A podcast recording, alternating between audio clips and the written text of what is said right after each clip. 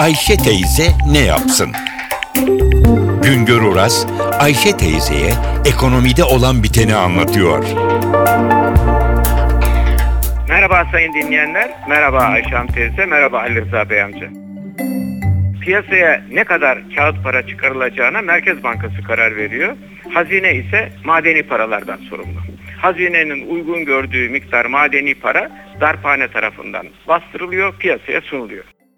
2009 yılı başında yeni Türk lirasından Türk lirasına dönüldüğünden bu yana darphanede yenilenen tasarımlarıyla madeni bir Türk lirası 50, 25, 10, 5 ve 1 kuruşlar basılıyor.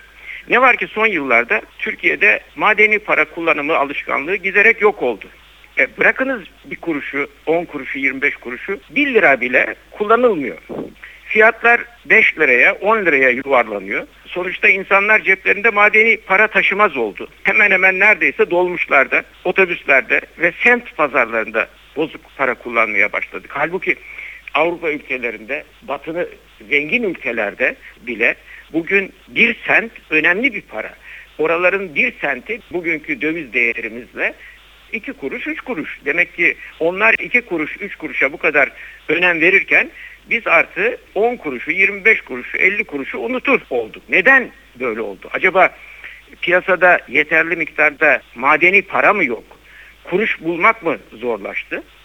E, darphanenin rakamlarına bakıyoruz. Darphane madeni para basmaya devam ediyor. Bugüne kadar darphanede 1 milyar 200 milyon lira değerinde 3 milyar 600 bin adet madeni para basılmış. Bunlar değişik değerlerde tabii ki. Ve orada da bakıyoruz ki en fazla basılan madeni paralar 1 liralık madeni paralar.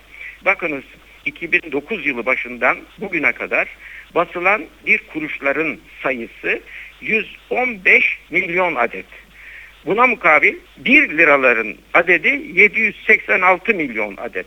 Yani 115 milyon adet bir kuruşluk basılmış, 786 milyon 1 liralık basılmış. Bu da gösteriyor ki madeni parada bile bir kuruşluğun değeri yok. Halbuki bir kuruşun daha fazla olması gerektiği düşünülebilir. Son zamanlarda Sayın Babacan bir açıklama yaptı Türkiye Büyük Millet Meclisi'nde bir soru üzerine ve dedi ki 2009 yılında madeni para basımına başladığı zaman yeni tür madeni paraların bir kuruşluğun maliyeti 0.89 kuruş idi. Son zamanlarda madenlerin fiyatındaki artış nedeniyle bir kuruşun maliyeti 2.64 kuruşa yükseldi. 0.89'dan 2.64 kuruşa yükseldi. Ama buna rağmen darphane bir kuruş basmaya devam ediyor. Hem bakınız Ekim ayına kadar her ay neredeyse 1 milyon 2 milyon adet dolayında bir kuruş basımı devam etmiş görünüyor. Darphane 2014 yılı için bir program yapmış. O programda da 2014 yılında bir kuruşların basımına devam edeceği görülüyor. Madeni para kullanım alışkanlığının gevşemesi fiyatlarda yuvarlanmaya yol açıyor. Önce kuruşlar yok oldu biliyorsunuz. Fiyatlar liraya yuvarlanıyordu derken madeni para taşıma alışkanlığı iyice gevşeyince bu defa kağıt para herkes taşır oldu ve kağıt parada taşınınca fiyatlar 5 liradan başlamaya başladı.